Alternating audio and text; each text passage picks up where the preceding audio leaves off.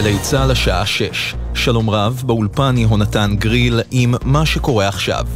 המגעים למתווה להשבת החטופים. ראש הממשלה נתניהו אמר בישיבת הממשלה, נקודת המוצא שלנו במשא ומתן היא היחס בין מספר המחבלים ששוחררו למספר החטופים שהוחזרו בעסקה הקודמת. איציק הורן, אביהם של האחים יאיר ואיתן, החטופים בעזה, קרא אצל ירון וילנסקי, ללא השבת החטופים לא תהיה תמונת ניצחון. אני שומע פה תמונת ניצחון, אם יהיו פה 133 ארונות זה לא יהיה תמונת ניצחון.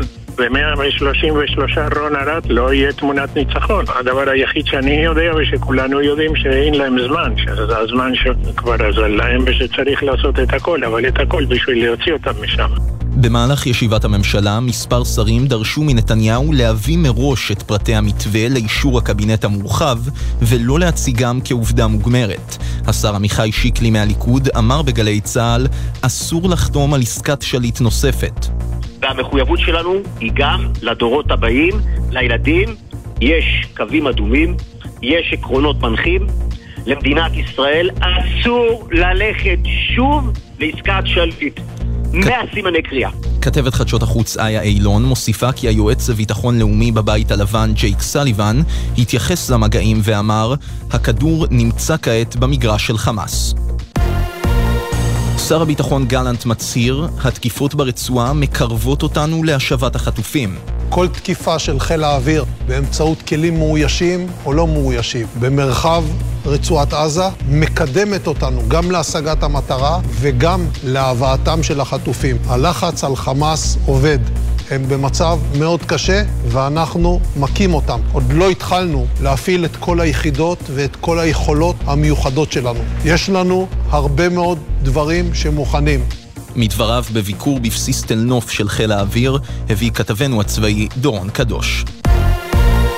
בג"ץ דחה על הסף את העתירה שדורשת להוציא את ראש הממשלה נתניהו לנבצרות. לטענת העותרים, נתניהו מצוי בניגוד עניינים בין האינטרסים הביטחוניים של מדינת ישראל לבין האישומים הפליליים נגדו, והוא אינו כשיר רפואית לתפקידו. בנימוקי פסק הדין כתבו השופטים סולברג, מינץ ווילנר כי העותרים לא מיצו הליכים חלופיים לפני הגשת העתירה וערבו טענות שונות.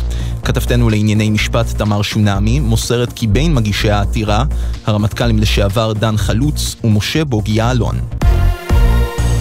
תביעת לשון הרע שהגיש ראש עיריית תל אביב רון חולדאי נגד השרה מירי רגב נדחתה בהסכמתו.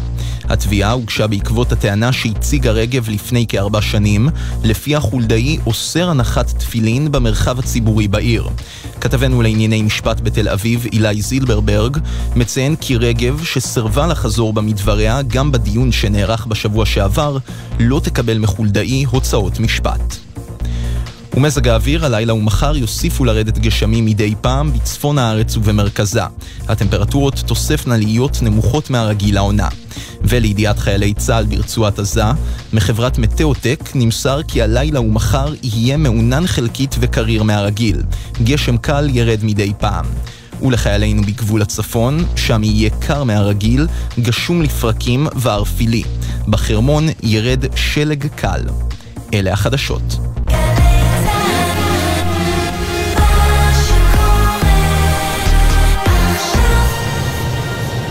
בחסות הפניקס סמארט, המעניקה עד 45% הנחה בפיתוח המקיף. כוכבית 5432, או חפשו הפניקס סמארט בגוגל. כפוף לתקנון, הפניקס חברה לביטוח.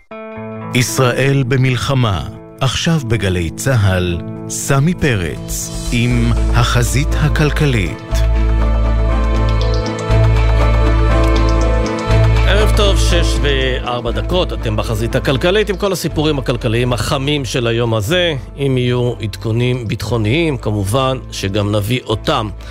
אה, אנחנו רוצים להתחיל עם אה, יוקר המחיה, שהולך וגדל גם בזמן המלחמה. חברות רבות מנצלות את העובדה שהקשב שלנו, הצרכנים, הוא במלחמה, בדאגות, בחרדות, ומעלות מחירים כמעט בכל תחום. זה הביא את שר הכלכלה ניר ברקת לאיים עליהן בפעם המי יודע כמה. החוצפה להעלות מחירים בזמן מלחמה היא חזירות והיא תעלה לכם ביוקר, אמר ברקת בפגישה עם יצרני ומשווקי מזון. הוא מתכוון לפגוש עוד כמה יצרנים ויבואנים כדי לאיים, להזהיר, להפעיל לחצים. מי יודע, אולי הם יקשיבו לו. ברקת גם הכריז שהוא הגיע להסכמה עם החברה המרכזית למשקאות קלים, קוקה קולה, שהיא תבטל העלאת מחירים מתוכננת, אבל מה? קוקה קולה בכלל לא התכוונה להעלות מחירים. אז נראה שברקת, שמנסה פה לעשות איזשהו סיבוב יחצני, יש שתי אפשרויות. הראשונה, להזהיר ולאיים ולא לעשות כלום, והשנייה, לא להזהיר, לא לאיים, אלא פשוט לפעול ולהסיר את כל החסמים בכל תחום שהוא לא תחרותי. לפתוח ליבוא, לבטל מכסים, לבנות שטיח אדום למתחרים חדשים, יש מה לעשות. אבל נראה שברקת בעיקר רוצה שנשמע אותו, שהוא מאיים, שהוא אכפתי, והוא פחות מוכן לעשות את העבודה הקשה שנדרשת כדי שתהיה כאן תחרות אמיתית, ולא נראה יצרנים ומשווקים שמנצלים את המלחמה להעלות מחירים. והאמת היא שיש גם תפקיד לנו, הצרכנים. אנחנו לא צריכים להתרשם יותר מדי מאיומים של פוליטיקאים. חלק גדול מהכוח נמצא בידי הצרכן ברוב המקרים. הוא רק צריך לנצל אותו ולא לקנות אצל מי שמעלה מחירים בזמן מלחמה. אז אה, בענייני מחירים יש לנו היום אה, כמה דברים בעניין הזה. ההתחלה היא קשורה לענף הבנייה, יש שם משבר אה, די גדול. במסגרת המשבר הזה, שבעיקר נובע מכך שחסרים הרבה עובדים ומכך שהרבה מאוד חברות בנייה לקחו הלוואות מאוד מאוד גדולות בשנים האחרונות כדי לרכוש קרקע, קרקע במחיר מופקע. אז כרגע משרד האוצר ומשרד השיכון הכריזו ממש לפני כמה דקות על איזה תוכנית לטיפול בענף הדיור. איתנו בעניין הזה כתבתנו עינב קרנר, שלום. כן, שלום סמי. אז לא פחות משלושה שרים התכנסו ממש לפני זמן קצר כדי להביא את תוכנית הדיור. אנחנו מדברים על שרי האוצר, הפנים והשיכון, כאשר לכולם ברור, וכנראה זה גם הבהלה לעשות את המסיבת עיתונאים בזמן הזה, כשיש מחסור חמור בכוח אדם בענף הבנייה, כ-50% מאתרי הבנייה כאמור לא פועלים, ועם זה פותחים השרים את דבריהם, אה, אה, שבעצם זה המקור לכל ההשבתה או הקיפאון שאנחנו חווים בענף הנדל"ן. נאמר שהתוכנית הזו שהוצגה מוערכת, מתוקצבת בכשני מיליארד שקלים, כאשר מיליארד ומאה מיליון שקלים סמי ילכו לטובת הטבות דיור בפריפריה. מדובר על סדר גודל של כעשרת אלפים יחידות דיור עד שמונה מאות אלף שקלים, כאשר אנחנו מדברים על ערים כמו נתיבות, אופקים, טבריה, טבריה, ירוחם, עפולה, נוף הגליל. זה נשמע, עינב, זה, זה נשמע בסדר גמור לתת הטבות ולאפשר לאנשים לקנות דירות מוזלות, אבל הבעיה היא אחרת, צריך שמישהו יבנה את הדירות האלה, וכרגע אין פועלים. איך הם פותרים את הבעיה הזו? בדיוק, וזו השאלה שאנחנו הפנינו בגלי צה"ל לשרים, מי שהשיב על כך היה שר האוצר סמוטריץ', שהוא אומר, אנחנו אה, ב- ב- ב- במועד הזה, אנחנו ביטלנו המון חסמים, הם מבינים שזה לא פשוט, שזה החלק הקל יותר הוא לאשר את מספר העובדים הזרים, שאגב, המכסה גדלה ל-65 אלף עובדים זרים לעומת 23 אלף אה, לפני פרוץ המלחמה, אבל לשאלתנו סמי, הוא אומר שתוך חודשיים שנתיים כבר יגיעו לכאן עשרות אלפי עובדים, האם זה יקרה, האם זה לא, אנחנו נצטרך לחכות אה, למבחן הזמן ולראות האם זה באמת קורה, אבל אין ספק שככל שתהיינה הטבות אה, אה, אה, כאלה ואחרות, אם אין מי שיבנה, אז לא יהיו דירות, ו- וכל התוכנית הזאת בעצם... אה, אין לה שום משמעות, ונגיד עוד דבר, סמי, אנחנו רואים גם את הירידה בהתחלות הבנייה, היא ירידה מאוד מאוד חדה, ונזכיר שאנחנו בתקופה שאין ביקושים, אין ביקושים לא בגלל שיש היצע רחב, זה בגלל שאנשים כרגע לא יש רוצים... מלחמה פשוט, כן, אבל הביקושים האלה יכולים להתפרץ ברגע שהמלחמה תסתיים. בדיוק, ואנחנו נהיה בבעיה חמורה ברגע שאותם רוכשים יחזרו להסתער על שוק הדיור, ואז שם אנחנו נראה את הבעיה החמורה של היצע מאוד נמוך. מוכר לנו משנים עברו, במיוחד בתקופת הקורונה, מה שאומר היצע נמוך, ביקוש גבוה, זה העלאות מחירים. עוד התייחסות שניתנה זה באמת לכל הנושא של הבירוקרטיה, שגם שם תהיינה כל מיני הקלות, גם מול הרשויות, גם מבחינת uh, סכומים שהקבלנים צריכים לשלם uh, בפריסל לקרקעות, גם שם uh, יהיה איזושהי השתתפות בערבות מדינה, ובנוגע למס רכישה, כרגע המס הרכישה הגבוה יישאר כפי שהוא, ההסבר לכך שהחשש דווקא בגלל שיש המון דירות על הפנויות אה, שלא נמכרו עדיין, עשרות אלפי דירות שעדיין אה, פנויות למכירה, החשש שמי שיקנה את אותן דירות זה המשקיעים ולא מי שבאמת צריך אה, לרכוש את הדירות, שזה רוכשי הדירות, כן. הזוגות הצעירים כמובן, המילואימניקים שכרגע גם מקווים לרכוש דירה, אבל כמו שאמרת סמי, אם לא יהיה מענה לעובדים וכרגע באמת יש פה בעיה מאוד מאוד חמורה, אז אין באמת משמעות לתוכנית הזו. כן, עינב קרנר, תודה רבה. תודה רבה, סמי. ובעניין הזה אני רוצה לצרף את אה, דוקטור עדי ברנדר, שהוא מנהל חטיבת המחקר בבנק ישראל. ערב טוב. ערב טוב. אז אה, בוא, לפני שאנחנו מדברים על הבעיות החמורות של ענף הבנייה, אה, קודם כל לגבי התוכנית שהציג משרד האוצר, אתה רואה בה איזושהי בשורה לכל האתגרים של הענף הזה? אה, אני חושב שבשורה גדולה אין בתוכנית, אבל יש שם כמה מהלכים שיכולים לעזור לענף בתקופה הקשה הזאת. אה, בסופו של דבר, הדבר המרכזי שמפריע היום לענף הבנייה זה המחסור בעובדים. אה, כשליש מהעובדים בענף לא מגיעים לכאן בגלל שהם הגיעו בעבר מהרשות הפלסטינית או מעזה. אה, והמחסור הזה מקשה על הקידום של פרויקטים, במיוחד אגב בפרויק, בפרויקטים שנמצאים בשלבים הראשוניים שלהם, ששם החלק של העובדים הפלסטינים הוא גדול במיוחד. לא, אבל ברגע אה, שמודיעים על הגדלת המכסה, עוד לפני שהתחלנו למלא את המכסה הראשונית, אז איזה משמעות יש לזה? אני יכול גם להגדיל את המכסה ל-400 אלף עובדים, הממשלה אבל לא מצליחה לבצע את זה בצורה מהירה. נכון, וכאן נקודת החולשה. כבר uh, מאוקטובר מדברים על uh, הגדלת uh, מספר העובדים הזרים שיגיעו כדי להחליף את הפלסטינים. Uh, ניסו כל מיני מעקפים, לעשות את זה דרך חברות פרטיות בניגוד להסכמים מול ממשלות אחרות.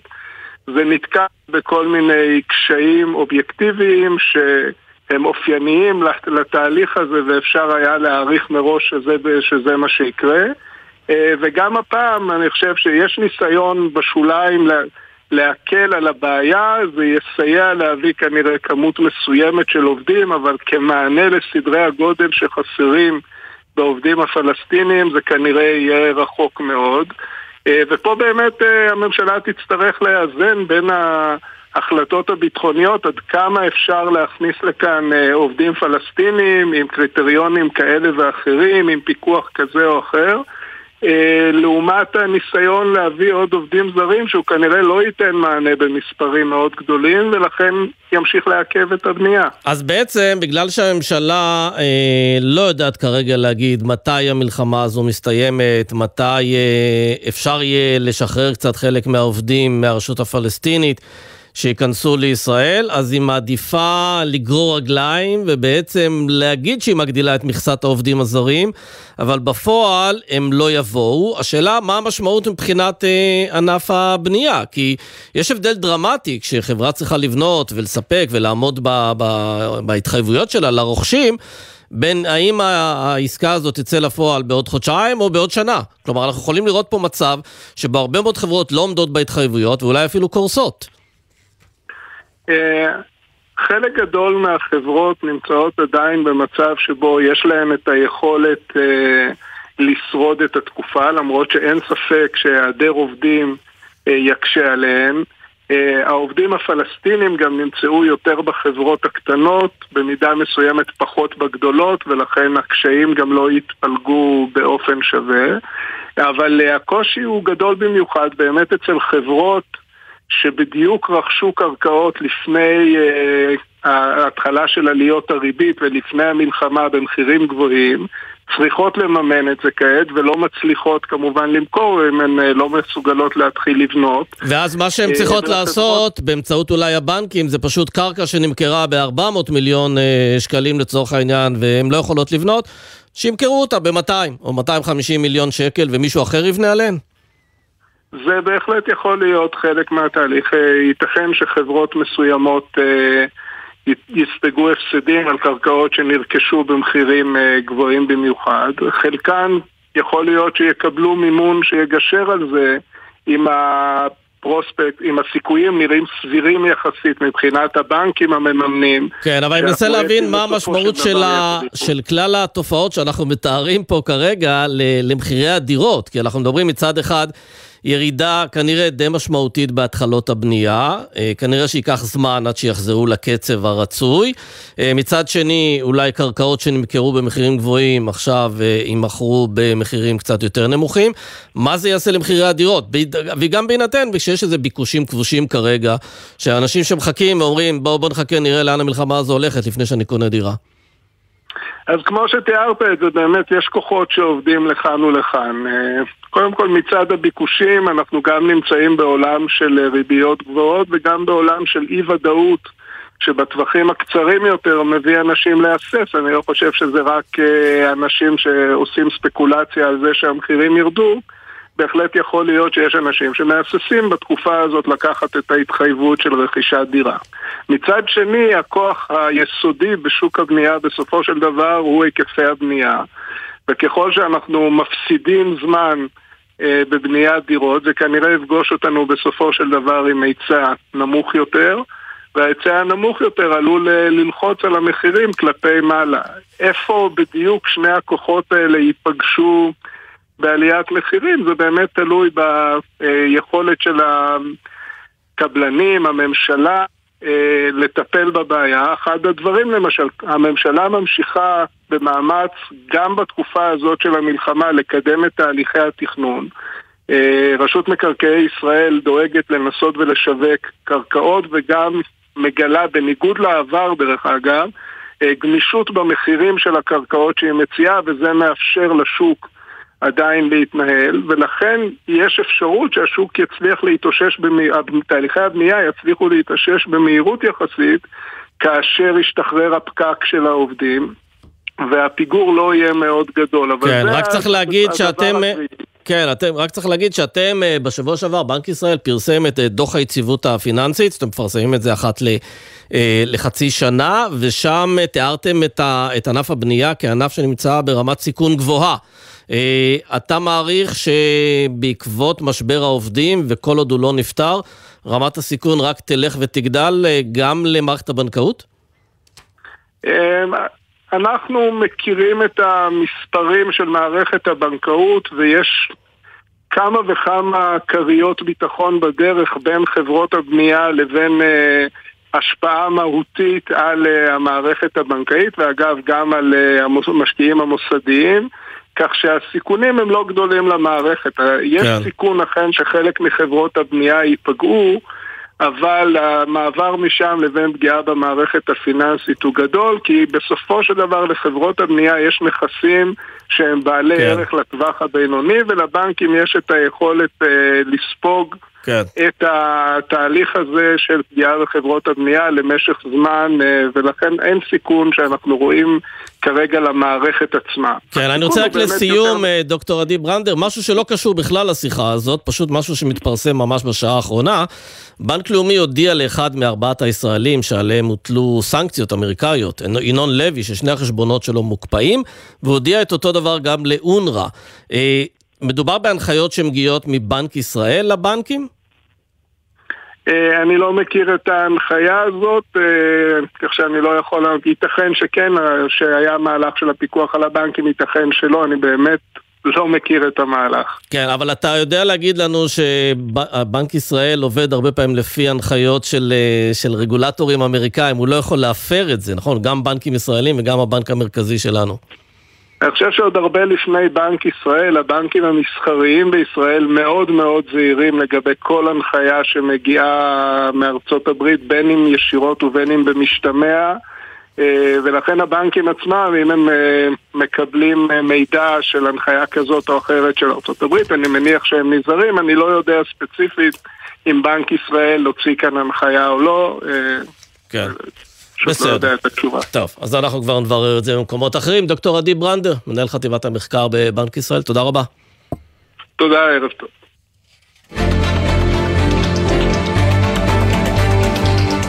טוב, אז יש גל עליות מחירים במשק, החל מחודש פברואר, שסטוביץ', שטראוס, אה, אוסם נסטלה, וילי פוד, אה, כל אחד מהן הודיע על העלאות מחירים כאלה ואחרות, של כל המוצרים שאנחנו קונים, פסטה ומשחת שיניים וסבון ושמן זית ושוקולית וממתקים ועוד הרבה מאוד מוצרים.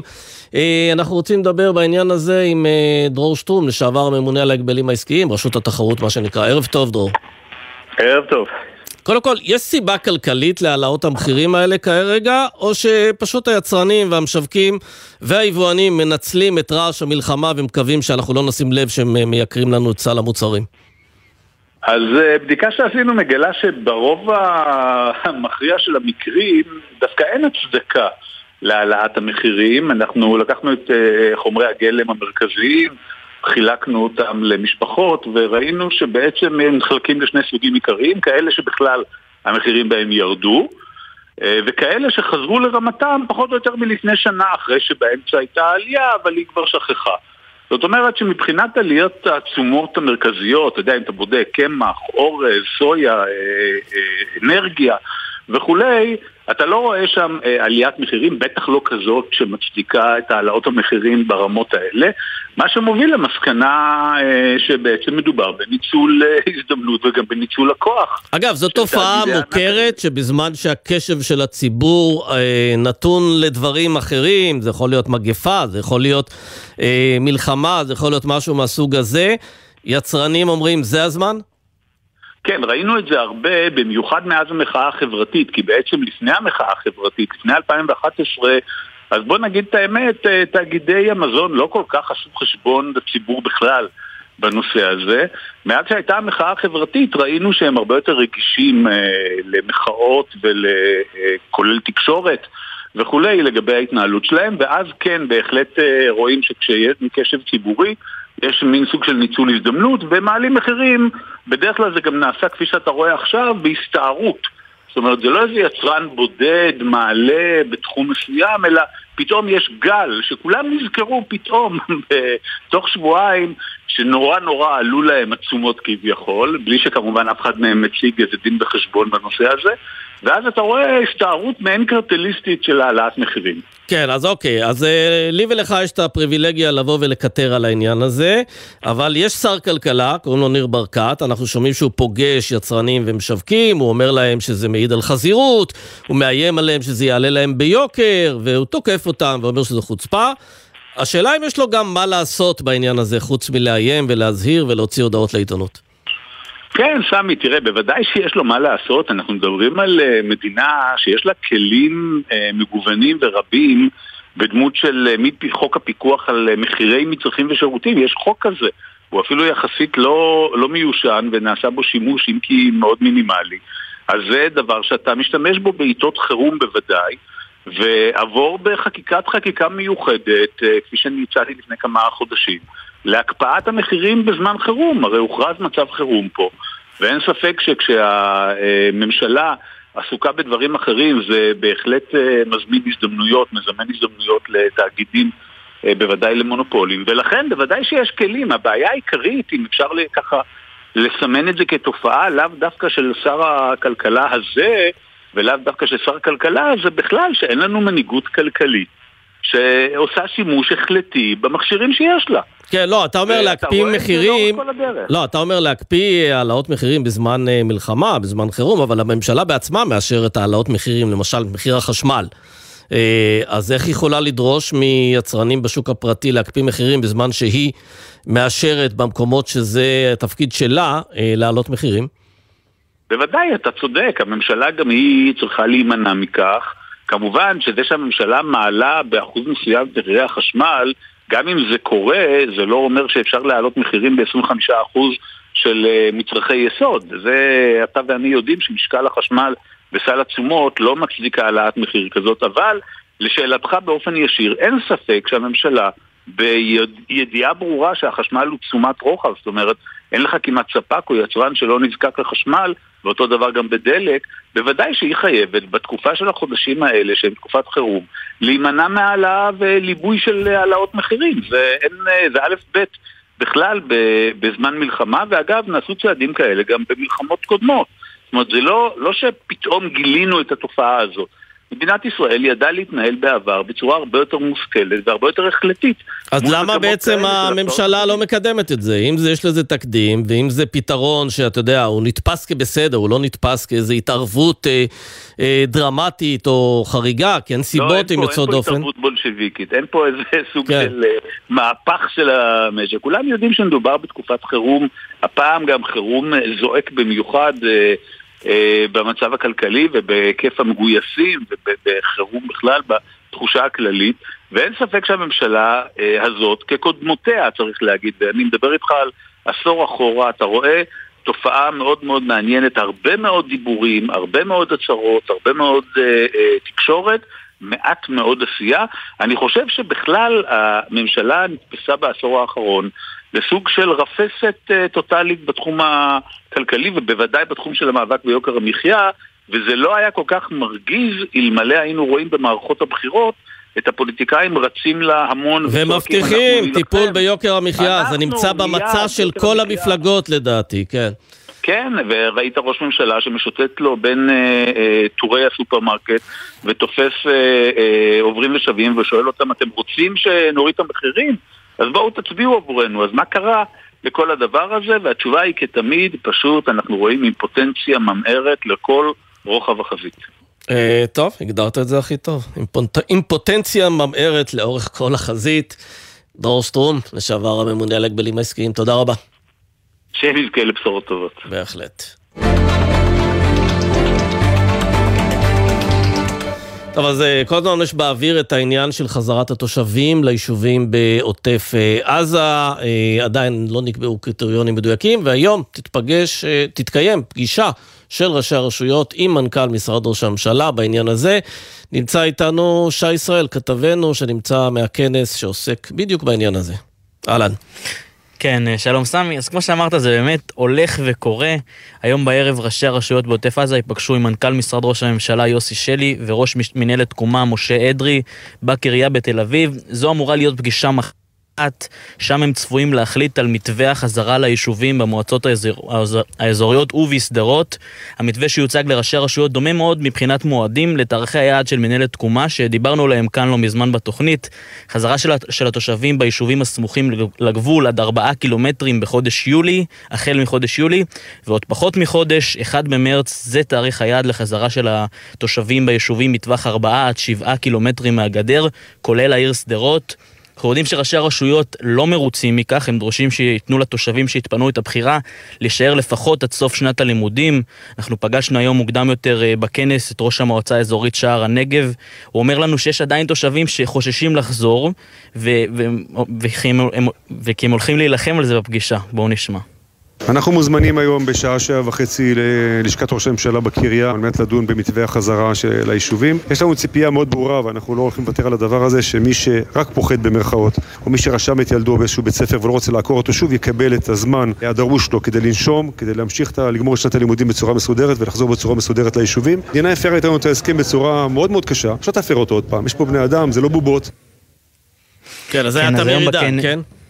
נכון, כן, כן, תמיר עידן, ראש המועצה האזורית שער הנגב. אז היום בכנס פגשנו אותו, את ראשי הרשויות, ראש מנהלת תקומה אדרי, מפקד פיקוד העורף רפי מילו. כולם הסכימו, אמרו שחזרת התושבים זה באמת יעד עליון וחשוב מאוד. נזכיר שביום חמישי האחרון פיקוד העורף עדכן את ההנחיות בעוטף עזה, וקבע כי ניתן לקיים לימודים באזור. ראשי הרשויות באזור קצת הופתעו מזה, הם ציפו שהשינוי יפורסם ביחד עם אה, מתווה מוסכם. אז היום בערב הפגישה, נחכה לראות מה יוחלט, אה, היום סופית. יפה. שי ישראל, תודה רבה. תודה, סמי.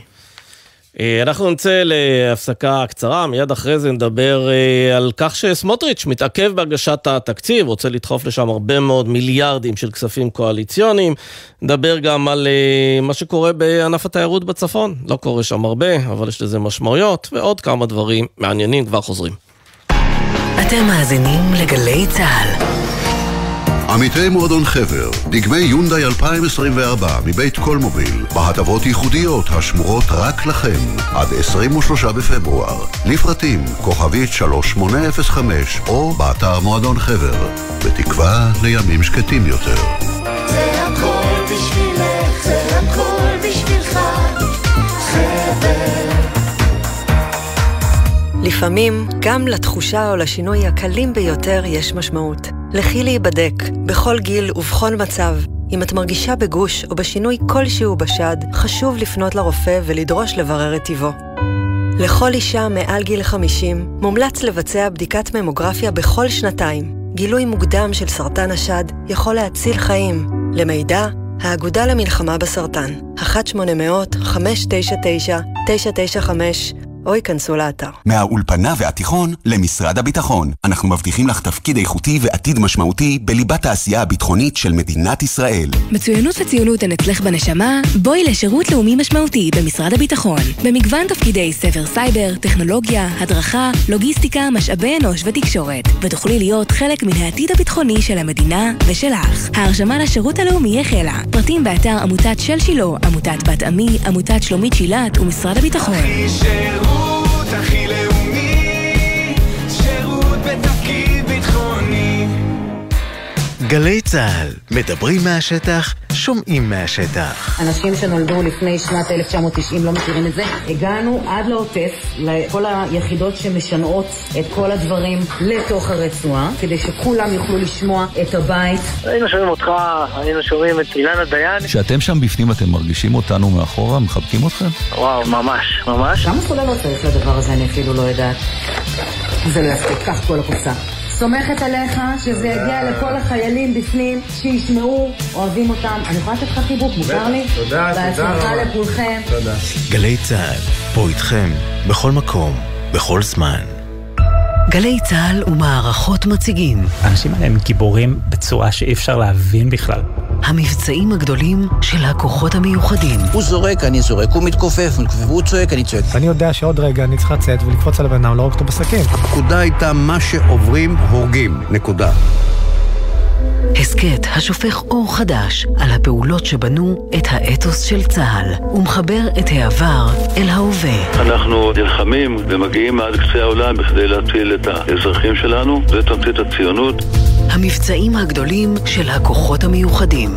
מוצאי שבת בתשע, ובכל זמן שתרצו, באתר וביישומון גל"צ גלגלצ, ובכל מקום שאתם מאזינים להסכתים שלכם. עכשיו בגלי צה"ל, סמי פרץ, עם החזית הכלכלית. חזרנו ואיתנו אה, חבר הכנסת ולדימיר בלייק מיש עתיד, ערב טוב. שלום סמי, ערב טוב. חבר ועדת הכספים. אה, תראה, שר האוצר היה אמור להגיש את אה, התקציב על שולחן הכנסת ב-19 בינואר. אה, חלפו כבר כמעט שבועיים מאז, אה, זה לא קרה, והמשנה ליועץ המשפטי לממשלה הורה לו תגיש את התקציב בדחיפות, והוא מעכב את זה מסיבה נורא פשוטה. מתחתם ביקורת על כל הכספים הקואליציוניים, הוא אומר 100%, אז אני את הכספים האלה, או לפחות חלקם, מכניס לתוך בסיס התקציב, והם יהפכו להיות חלק מתקציב המדינה לא רק השנה, אלא גם בשנים הבאות. והשאלה, אם המאבק הזה לא בעצם אה, גרם אפילו נזק גדול יותר. אני לא חושב. קודם כל אנחנו הרי ביקשנו לא, לא להלבין את הכספים הקואליציוניים הפוליטיים בעת המלחמה, אנחנו ביקשנו לבטל אותם ולהפנות אותם לצורכי החזית והעורף, בדיוק הפוך ממה שסמוטריץ' מנסה לעשות עכשיו. התקציב כנראה יונח uh, שולחן הכנסת מחר באיחור של 17 ימים, uh, איך שהיועצת המשפטית של, הכנסת הגדירה את זה היום במכתב ששלחה בתגובה לפנייה שלי וחברת הכנסת אפרת רייטן, אז היא קראה לזה הפרה חמורה ומתמשכת של חוק יסוד. אז אנחנו לא מתכוונים לשתוק על כך, ואנחנו נדרוש גם שהכנסת תקבל זמן מספיק לדיונים על התקציב. וגם שהתקציב יוגש באופן מלא ושקוף, כפי שזה אבל נהוג. תגיד, אולי ולא בעצם כפי כל המהלך הזה לימד אותנו שכל העניין של כספים קואליציוניים הוא, הוא סוג של עיוות. הרי תקציב מבטא סדר עדיפויות של ממשלה, ואם היא רוצה להקצות יותר למקום X, אז היא מקצה אותו במסגרת התקציב. למה היא צריכה בכלל שיקראו לזה כסף קואליציוני? אני באופן עקבי מתנגד לכספים הקואליציוניים ואני מסכים איתך לחלוטין. אני, אני חושב שאם uh, הכסף הזה הוא חוקי, הוא, הוא חייב להיכנס לבסיס התקציב. הבעיה שלא מדובר בכספים שמקבלים את האישורים המשפטיים הנדרשים. Uh, גם במשרד המיותר של אור- אורית סטרוק ובעיקר בחינוך החרדי הפרטי עם כל היעדר הפיקוח והיעדר דיווח וכל uh, הבעיות שאנחנו מכירים שם. אז ככל שהכסף מקבל אישור משפטי ומשקף את הסדר העדיפויות של הממשלה, אין לי שום בעיה, אני מעדיף שהוא ייכנס לבסיס התקציב. אבל מכיוון שמדובר בכספים פוליטיים שמשרתים אינטרסים פוליטיים ואין לזה מקום בטח בעת המלחמה כש, כשאזרחים אה, מגויסים באופן מלא למאמץ המלחמתי והממשלה לא. אז דרשנו לבטל את הכספים הקואליציוניים, ועכשיו סמוטריץ' מנסה להלבין אותם ולהסתיר אותם בבסיס התקציב. כן, המטרה שלו בעצם בעיכוב הזה ובניסיון להכניס את זה לבסיס התקציב, זה שאנחנו לא נדע לאן הולך כל שקל. ועדת הכספים קיבלה פירוט לאן הולכים כל אותם מיליארדי שקלים? אנחנו אמורים לקבל את זה מחר, ולכן גם בנוסף אה, לכל הפניות שלנו עתרנו לבג"ץ ודרשנו שהכסף, שהתקציב יוגש באופן מלא ושקוף. ואתמול אגב הכנסת שלחה תגובה והכנסת אה, לא מתנגדת לקבלת העתירה ואנחנו נדרוש שנקבל את, את, כל, את, את, את כל הפירוטים שגם אנחנו נדע על מה אנחנו מצביעים וגם הציבור ידע ואנחנו נדע לידע את הציבור. עכשיו אני, צריך, אני חייב להסביר רק במשפט שהעיכוב הזה של 17 ימים זה לא סתם עיכוב טכני, קודם כל הוא יכול לגרום לקיצוץ רוחבי של 67 מיליארד שקלים במידה והתקציב לא יעבור עד 19 בפברואר. ובינתיים כל התוכניות לטובת המילואימניקים, לטובת העסקים הקטנים, לטובת המפונים, הכל מתתקף כי הסמוטריץ' אולי בשיתוף פעולה עם כל מיני גורמים נוספים בקואליציה מנסה, מנסה לבצע את המהלכים הפוליטיים שבכלל לא קשורים למאמץ המלחמתי. זה הנזק הגדול, זה לא איזשהו עיכוב טכני שאפשר להסביר אותו. אי אפשר להסביר אותו ואי אפשר לקבל אותו. ולכן כן. אנחנו בכל הכלים הפרלמנטריים שיש לנו, אנחנו נעשה הכל כדי... כן, טוב, אז באמת נאחל בהצלחה ונראה מה יובא מחר לידי ועדת הכספים. כמובן נעשה על זה עוד אה, מעקבים בהמשך. חבר הכנסת ולדימיר בלייק, תודה רבה. תודה רבה.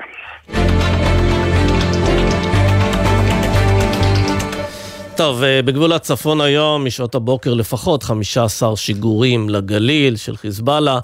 אה, עסקים שם במצב באמת אה, של קריסה. ענף, אולי אחד הענפים שנפגעו הכי קשה, זה ענף התיירות. ואני רוצה לדבר עם טל ישועה, בעל רשת מלונות מטיילים. ערב טוב. ערב טוב. רק בוא נגיד כמה מילים על הרשת. יש לכם שמונה בתי מלון, מתוכם שבעה בצפון? כן, שבעה על קו הגבול שהם סגורים כיום, ועוד אחד בערבה. שכולם על קו הגבול? ממש... אה, כן, כולם על קו הגבול, כולם סגורים אה, בפקוד הצבא. ממטולה, קיבוץ אילון, קיבוץ גשר הזיו, דפנה, אה, כולם שם, כולם סגורים. כן. כמה עובדים אתם מעסיקים בימים טובים? בימים טובים אנחנו מעסיקים כ-140. בכל בתי המלון? כן. והיום קרוב כמאה בחל"ת. כן, ומי כן עובד בהם? נשארו רק הנהלה, הנהלה ומכירות וכדומה? נשאר, נשאר הנהלה, קצת הנהלה, קצת מכירות, יש לנו עוד מלון עובד בדרום, ועוד מלון שעובד בדרום. אבל uh, המכירות בדרך כלל מתעסקים בהזמנות קדימה, נכון? כמה חודשים כן. קדימה. יש לכם כן. בצפון הזמנות לקיץ, הזמנות, כן, הציבור אופטימי שעד אז דברים יסתדרו? אנחנו קיבלנו החלטה לפתוח את ההזמנות, אנחנו, אנחנו קודם כל מאמין, אופטימיים, זה מתחיל בזה. אנחנו מאמינים שזה ייגמר, אמור להיגמר, צריך להיגמר מתישהו, ובקיץ אה, לחזור לפעולה, וקיבלנו החלטה לפתוח את, ה, את ההזמנות. ההזמנות לקיץ מצטברות יפה, זאת אומרת, הציבור מאמין שזה הולך להיגמר. שעד הקיץ זה ייגמר. זאת אומרת, הציבור גם רוצה לחזור, זה דבר מעניין ו, וטוב אה, ולהרגיש אותו. ו... אז המערכת ההזמנות עובדת ונקלטות הזמנות לקיץ.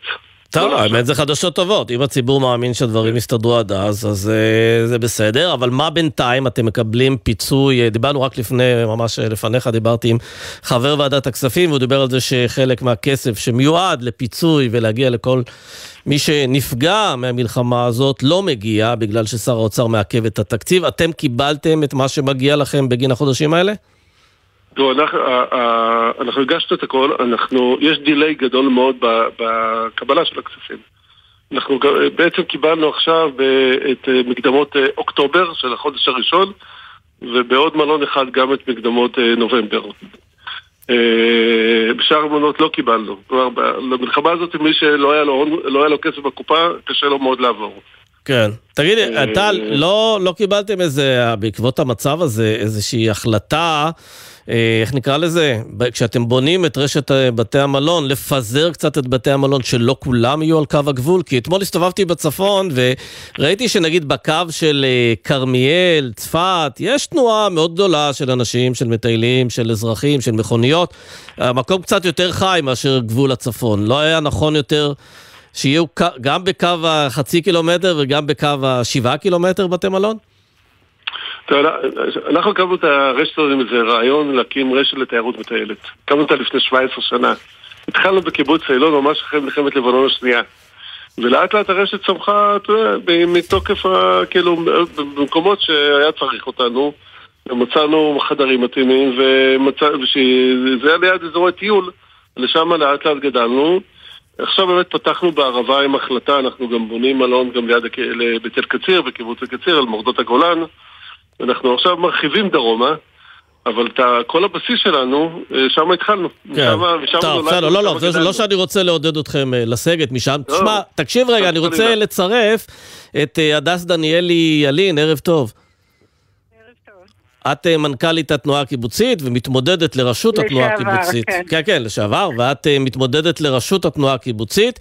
את פנית אה, בעניין הזה של טיפול ותמיכת המדינה בענפי התיירות, פנית ליושב ראש ועדת הכלכלה, ואת אומרת שזה הלחימה, כלומר, על פי הערכות של כולם, הלחימה צפויה להימשך עוד חודשים ארוכים, ואת מצפה שיעשו מה? צריך להבין שהענף הזה זה ענף שעבר כבר טלטלות מאוד גדולות גם בתקופת הקורונה אה, והגליל, במיוחד הגליל העליון, ממש נסמך על הענף הזה אה, על כל אה, שלוחותיו. זאת אומרת, אנחנו מדברים לא רק על המלונאות כמובן, גם על מסעדות וצימרים ועוד ועוד. והרבה מהכלכלה של הגליל מושתתת על התיירות. ולכן חייבים איזושהי תוכנית אסטרטגית עכשיו.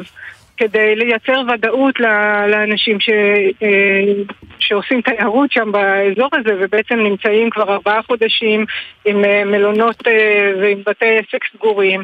ותהליך השיקום הוא צריך להיות מאוד מלווה על ידי המדינה עם תוכנית ברורה שאנחנו מדברים על, אה, על תקופה שא', אנחנו לא יודעים כמה זמן זה ייקח, ב', אנחנו צופים שיהיה איזשהו גם מחסור בעובדים, אה, ואולי אנשים יחש- יחששו בהתחלה להגיע למקומות שהם באמת על קו הגבול. צריך להסתכל ו- ולעשות תוכניות אה, אסטרטגיות, ולכן זו הקריאה שלנו ל- זה נשמע אבל, לממשלה אה. הדס, וגם על סמך השיחה עם טל, אה, שהתוכנית האסטרטגית הכי טובה זה פשוט להגיע לפתרון צבאי או מדיני שיחזיר את השקט לצפון. בסך הכל הציבור רוצה לטייל, את יודעת, אנחנו רואים למשל את גוש דן. אה, בנגיד החודש האחרון, חודשיים האחרונים, אנשים יוצאים, אנשים רוצים אחרי תקופה ארוכה של אה, מלחמה לצאת ולנפוש וליהנות. אז אה, חד משמעית, זה נכון, אבל קודם כל אנשים לא מגיעים אה, ישר למקומות הסמוכים לגבול, זה לוקח זמן. דבר שני, אנחנו צופים ש- שתהיה בעיה של, של אה, עובדים, כי אנחנו לא יודעים מי יחזור, מתי יחזור, כמה, כמה אנשים יחזרו. אה, ו- אה, ודבר אה, שלישי, יש גם עסקים קטנים שעברו טלטלות בקורונה. אתה מבין מהדברים של טל שהכספים מתעכבים, ובסופו של דבר זה ענף שלם שהוא אחד כרוך בשני, חייבים אז זהו, טל, עליו. בעניין הזה רק הזכירה הדס את הנושא של אה, כוח אדם. אתה, אה, בוא נאמר ככה, בתקופה של הקורונה, שחוזרים אחרי תקופה ארוכה שהעסק מושבת, מיד מגייסים כוח אדם שלוקח זמן. לא, זה לוקח זמן, זה התהליך הכי מורכב, ממנו, זה התהליך שאנחנו הכי מפחדים ממנו, ואנחנו חושבים שאני אני תומך מאוד במה שהדס אומרת, חייבים פה תוכנית של המדינה. כי ל- 150 אלף שקל אה, איש יתפנו, הם צריכים לחזור, אנשים יחזרו אחרים. לגייס זה להתחיל עולם שלם מאפס, להכשיר עובדים, להכשיר מנהלים, להכשיר אנשי קבלה. יהיו חסרים המון אנשים, המון אנשים יהיו חסרים, אנחנו מרגישים את זה, אנחנו יודעים שחלק מהעובדים שלנו לא יחזרו. אז איזה, אז מה בעצם הציפייה שלכם? שתהיה מה? שתהיה מערכת תמריצים, עבודה מועדפת, מה? רגע, צריך, צריך, צריך להקים פה מערכת תמריצים להחזרת עובדים, אפילו לחצי שנה לבוא, גם הסטודנטים שהיו, אין אותם, המכללה תיפתח רק באוקטובר, הסטודנטים שגם עבדו בתיירות, גם הם לא, לא נמצאים היום. צריך איזושהי מערכת תמריצים, מערכת אה, שתיבנה באיזושהי חשיבה איך מביאים את המאות, את ה- את האלפי עובדים שיפעילו את כל התיירות. התיירות היא 400 מיליון שקל בגליל העליון, זה, זה סכום, זה כאילו, המנ- זה אחד המנועים הכי גדולים של הכלכלה בגליל. כן. זה לא משהו קטן. טוב, אז אנחנו מקווים שמישהו אה, מקשיב ומקבל את ההמלצות של אה, שניכם. הדס דניאלי ילין אה, וטל ישועה, תודה רבה לכם. תודה רבה.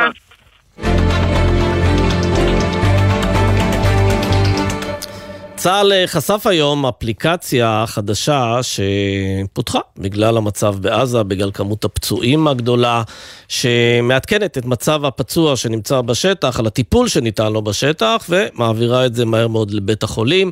כדי שתהיה שם איזושהי רציפות של המידע. נמצא איתנו סגן אלוף אה, רותם אה, תורג'מן, ראש ענף מערכות רפואה ודיגיטל בצה"ל. ערב טוב.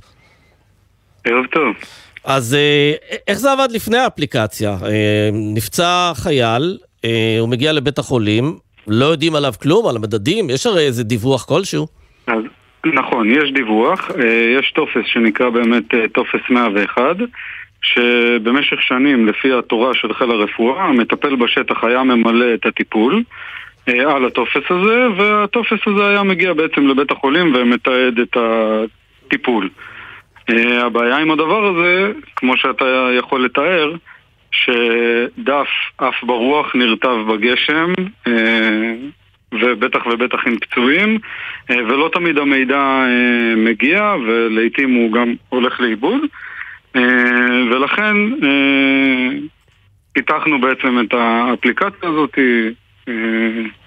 ש- שמעבירה את המידע עם הפצוע לאורך כל שרשרת הפינוי עד אה, בית החולים. שצריך להגיד, מי שמטפל בפצוע בשטח לא מלווה אותו עד שהוא נקלט בבית החולים, הוא פשוט נשאר בשטח וממשיך במשימות האחרות שלו, אז אתה צריך איזשהו אה, גורם מקשר. הגורם המקשר זה האפליקציה? נכון, יש באמת שרשרת פינוי, ככה אנחנו קוראים לזה, שבעצם יש את הגורם המטפל הבכיר הראשון שפוגש את הפצוע, הוא עושה איזה פעולות שהוא עושה ומעביר אותו, אם זה למסוק למשל, או לרכב פינוי שלוקח אותו מהגבול עד בית החולים, אה, ואז כמובן שגם שם יש עוד פעם חבירה לבית החולים שהמידע הרפואי צריך לעבור אה, גם לבית החולים, והמידע הזה הוא חשוב מאוד לטיפול. בכלל, אנחנו מאמין, אה, יודעים שתיעוד בעולם הרפואה הוא חלק אינטגרלי מתהליך הטיפול הרפואי, כדי למנוע שגיאות, תקלות ודברים בנושא כן, הזה. הצורך הזה אגב נולד כי, כי ראיתם שמה, שמשהו לא עובד, שמשהו משתבש בדרך, ולכן מהר מאוד התיישבו אנשים ופיתחו את זה? התהליך הוא כזה שאנחנו, אה, מעבר לזה שאנחנו מעבירים את המידע הרפואי, אנחנו גם מבצעים תהליך של תחקור אוחר כל הזמן, ובודקים את עצמנו אה, על איכות הטיפול, על ה... אה, זה, ואנחנו מתעדים את הטפסים אה, ושומרים אותם כדי שנוכל גם ללמוד על תהליך הטיפול. כן. ורצינו להעלות את אחוז הטפסים שבעצם מסיימים את השרשרת. כי כמו שאמרתי, הנוהל אומר, המטפל הראשון, גם אם, אם ב-100% מהמקרים הוא מילא טופס, אנחנו ניסינו בעצם לצמצם את התהליך של עיבוד המידע בדרך. כן, וכמה אנשים כבר, כמה, כמה פצועים כבר האפליקציה הזו אה, תיעדה את הפעילות שלהם? מ- מעל 700. כן, טוב. אה, בסדר גמור, ומדווחים אה, בבתי החולים שמה? שאוהבים את ה... אוהבים את הפרקטיקה הזו? מגיעה- זה... האפליקציה, בעצם המידע מגיע לבית החולים וזה זה ממש עוזר. אני יכול לתת סתם דוגמה, נגיד פצוע שמגיע אה, במצב הכרה מעורפל כזה או אחר, ולפני זה, אם המידע לא היה מגיע, אז לא ידעת שנתנו לו בעצם איזושהי תרופת הרגעה או, או משהו בסגנון. ועכשיו אתה יודע שזה ניתן, אז אתה מבין שהמצב הרפואי הוא כזה או אחר, או שאתה רוצה לדעת באיזה שעה הניחו את חוסם העורקים כדי לדעת אם אפשר כן. אה, להוריד אותו בצורה כזו או אחרת, זאת אומרת הדברים האלה מאוד מאוד משפרים רגע את תהליך יפה. הטיפול הרפואי. אז אה, כל הכבוד על היוזמה, ושיהיו אה, כמה שפחות פצועים ונפגעים. סגן אלוף רותם תורג'מן. תודה רבה. תודה לכם.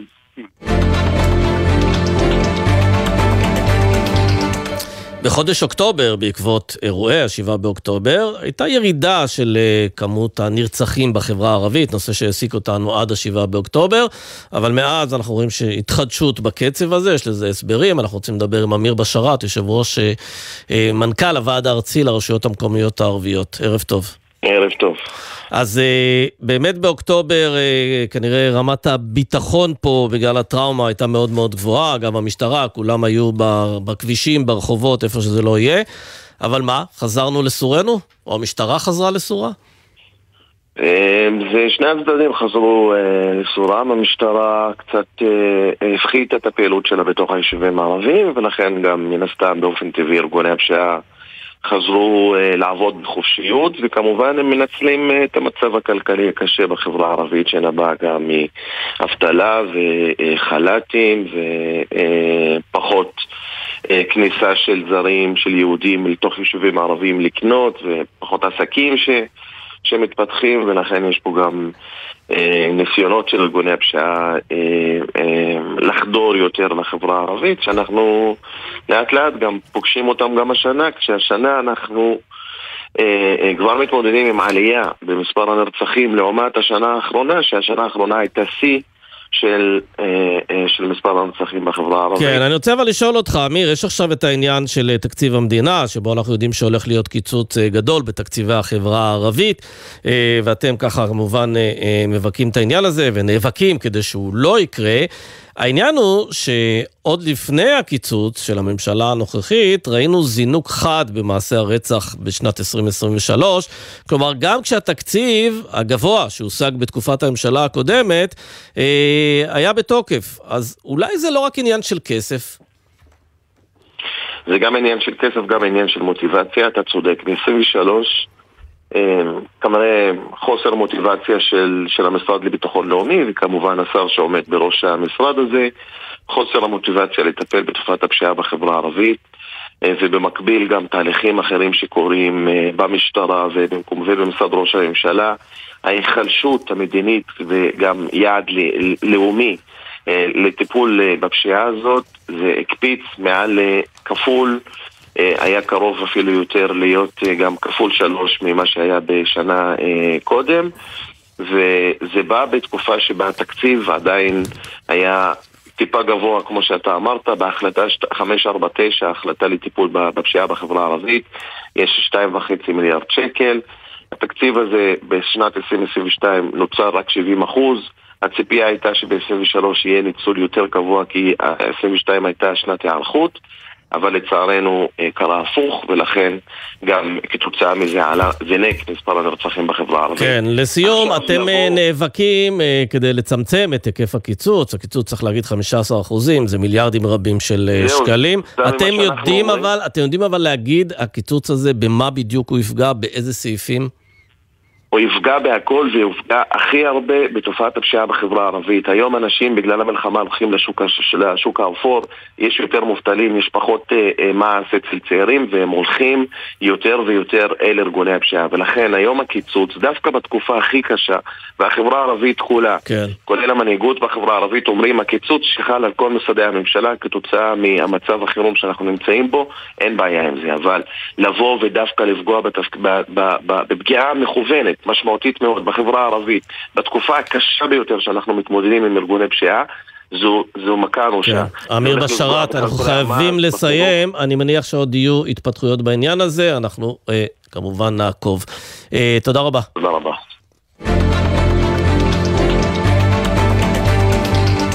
עכשיו לפינה שאנחנו הכי אוהבים פה, להרים לעסקים של מילואימניקים, של אנשים בדרום, בצפון, איתנו סמלת ראשונה. סמלת ראשונה במילואים, ליאל כהן, שלום. מה הולך? שלום. אה, מה הולך? תכף נראה מה הולך. את בת 22, לוחמת בתותחנים, עושה מילואים, ואת הבעלים של סטודיו ליאל, שזה מכון ציפורניים, בקריית שמונה. נכון, היה בקריית שמונה, עכשיו הוא בראשון לציון. תגידי, זה מקום להקים אה, מכון ציפורניים? למה לא? לא, לא, אני צוחק. אה, את יודעת, בכל זאת, עיתוי, אה, עיתוי אה, קשה להקים. מתי הקמת את העסק הזה?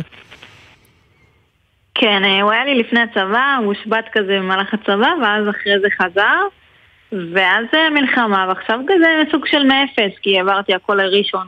רגע, אבל את גויסת עם תחילת המלחמה? נכון, בשמיעי לעשירי, כן. ואז סגרת את העסק, ואיפה היית? איפה הוצבת? אה, היינו בהתחלה מפונים בת... אה, במילואים. כן, הייתי- במילואים. היינו, היינו בגבול עזה, מחוץ לה.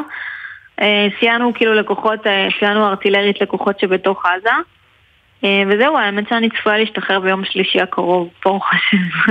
אוקיי, אז קודם כל שיהיה שחרור נעים, ואז את רוצה בעצם לחזור לעסק הזה. קודם כל צריך להגיד, העסק הזה עבד טוב לפני המלחמה? הצלחת להתפרנס ממנו בסדר?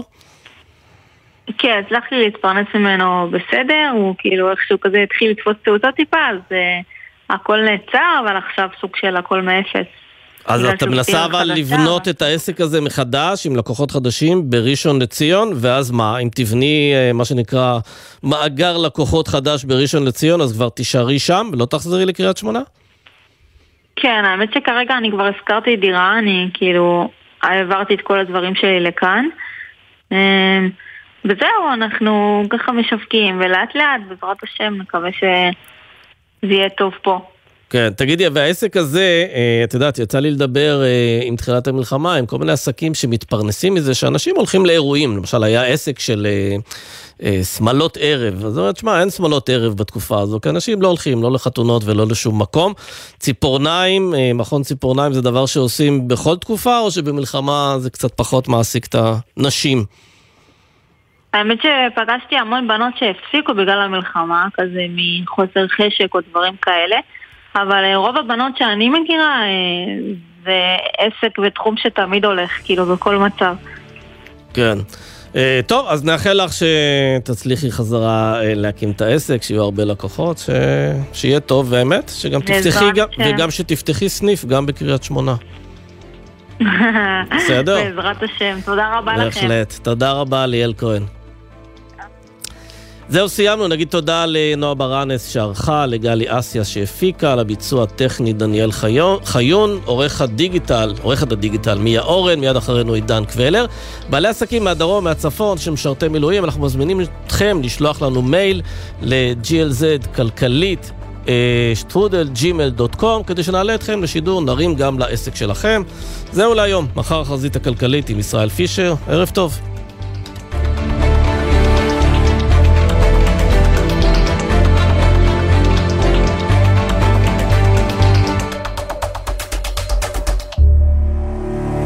הפניקס סמארט, המעניקה עד 45% הנחה בפיתוח המקיף. כוכבית 5432, או חפשו הפניקס סמארט בגוגל. כפוף לתקנון, הפניקס חברה לביטוח. בחסות מאיר, המזמינה על ימי מכירות של מותגי הרכב השוודיים. פולסטאר, לינקן קור ווולבו, 4 עד 9 בפברואר. גם וולבו EX30 החשמלית תהיה שם, פרטים באתר. אתם מאזינים לגלי צה"ל. זו שנה של מלחמה על הבית. זו שנה של גבורה, על ביטוייה השונים. את טקס הדלקת המשואות בליל יום העצמאות ה-76 למדינת ישראל נציין הפעם בסימן גבורה ישראלית. גבורה של מי שגילו אומץ לב נדיר. גבורה של מי שהפגינו נחישות ועוצמה אל מול התופת, הרוע והסכנה. גבורה שהיא השראה לכולנו. המליצו והשפיעו על בחירת מסיעות המשואות ומסיעי המשואות בסימן גבורה ישראלית. פרטים באתר המערך לטקסים ולאירועים ממלכתיים. משרתות המילואים ומשרתי המילואים היקרים, כשאתם מגויסים לחזית, אנחנו בהסתדרות מגויסים למענכם. חייגו גם אם אינכם חברי הסתדרות, למוקד ההסתדרות מגויסים למענכם, למשרתי המילואים ולבני משפחותיהם, וקבלו מעטפת תמיכה וסיוע במגוון תחומים. חייגו כוכבית 2383. ההסתדרות, הבית של משרתי המילואים ומשרתות המילואים בישראל. עם ישראל רץ. מרתון ווינר ירושלים יוצא לדרך. ירושלים מצדיעה לצה"ל, כוחות הביטחון וההצלה, ומזמינה את כל עם ישראל להצטרף אלינו לירושלים ב-8 במרס. כוחות הביטחון וההצלה נרשמים ללא עלות. אז חפשו מרתון ווינר ירושלים ורוצו להירשם. נהגים, בחורף תנאי מזג האוויר ותנאי הדרך קשים יותר. הרעות מוגבלת, הכבישים חלקים ורטובים, ומערכות הרכב השונות מתנהגות אחרת. לכן, חשוב לנהוג ביתר תשומת לב. שומרים על מרחק גדול יותר מהרכב שלפנים, נמנעים מעקיפות ונוסעים לאט יותר ובמהירות המאפשרת להגיב בבטחה למתרחש בכביש. הרלב"ד, יחד נגיע ליעד. הימים הללו ימים קשים לכולנו. חשוב שתדעו, אתם לא לבד. הלילה בחצות. הפסיכולוגית הקלינית ציפי גון גרוס מזמינה אתכם לשיחות משותפות אל תוך הלילה. מרגישים צורך לדבר? תוכלו ליצור קשר במספר 03-681-3344. אתם לא לבד. הלילה בחצות, גלי צה"ל. מיד אחרי החדשות, עידן קבלר.